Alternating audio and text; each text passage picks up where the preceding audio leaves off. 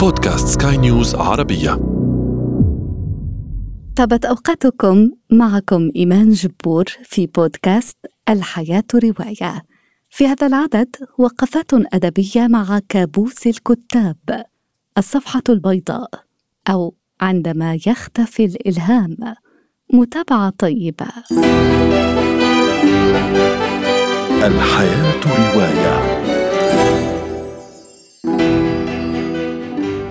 أنا لا أطلب منك أن تصف سقوط المطر. أنا أطلب منك أن تجعلني أتبلل. فكر بالأمر أيها الكاتب. يقول الكاتب والصحفي الأوروغواياني إدواردو غاليانو.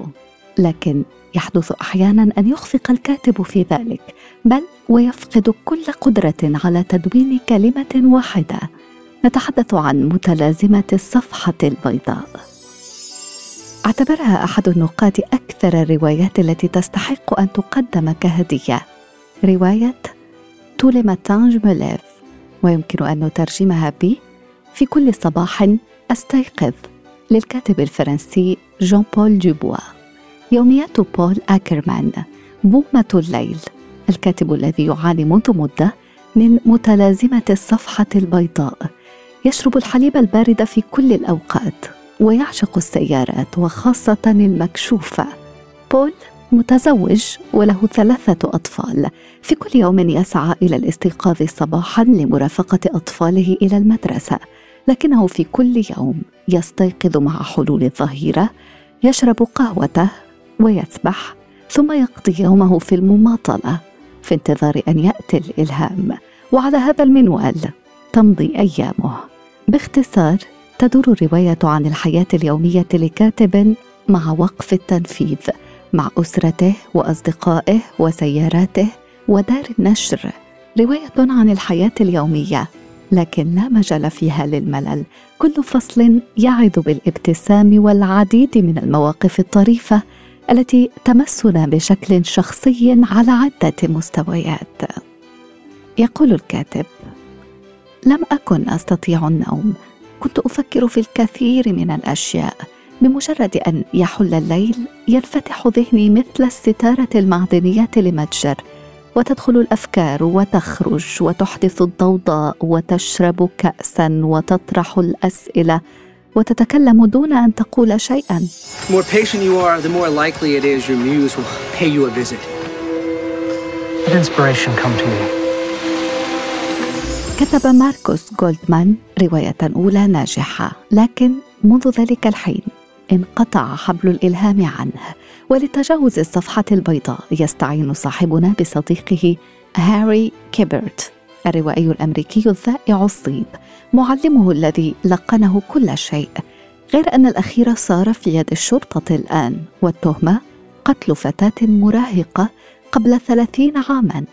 يهب ماركوس لنجدة صديقه وإثبات براءته ودار النشر التي تنتظر منه مؤلفا جديدا. كان من المفترض أن يسلمه منذ مدة.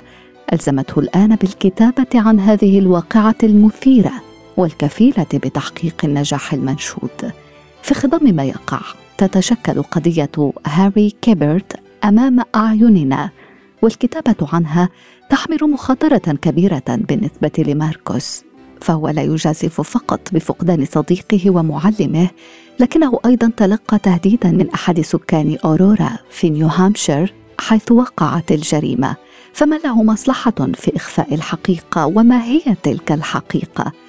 الحقيقة حول قضية هاري كيبرت رواية الكاتب السويسري جويل ديكر نشهد فيها على ولادة رواية داخل رواية.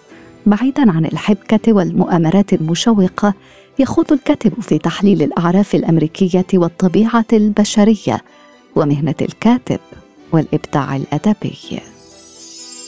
بعد النجاح الذي حققته باكوره رواياته لم يتوفق أدريان في بلوغ ذات النجاح مرة ثانية فقرر في النهاية التخلي عن كتابة الروايات وانتقل رفقة زوجته إلى منزل صغير في الريف الإنجليزي. في أحد الأيام يزورهم سام صديق الجامعة كاتب السيناريو الذي حالفه النجاح أكثر من أدريان. ومن موقعه هذا يجري مقابلة مع فاني تارنت الصحفية المثيرة. لكن المقال القدحي الذي نشرته الأخيرة بعد المقابلة أثار حفيظة سام الذي قرر الانتقام منها بمساعدة أدريان من خلال مقابلة مع الصحفية نفسها. لكن هذه المؤامرة تنتهي بكشف العديد من الحقائق التي تخفيها شخصيات الرواية. رواية هوم تروث أو حقائق منزلية للكاتب البريطاني ديفيد لودج. وهي مقتبسة من مسرحية للمؤلف نفسه الذي يقدم لنا تصوره الخاص للأدب والكتابة والعلاقة المعقدة بين الكتاب الناجحين ووسائل الإعلام. ونقتبس عن لودج كتابة الروايات هي مثل زج الرسائل في سلسلة من الزجاجات التي نلقيها في البحر عند المد. دون أدنى فكرة عن المكان الذي ستحملها إليه الأمواج أو ما إذا كان هناك شخص ما سينظر بداخلها.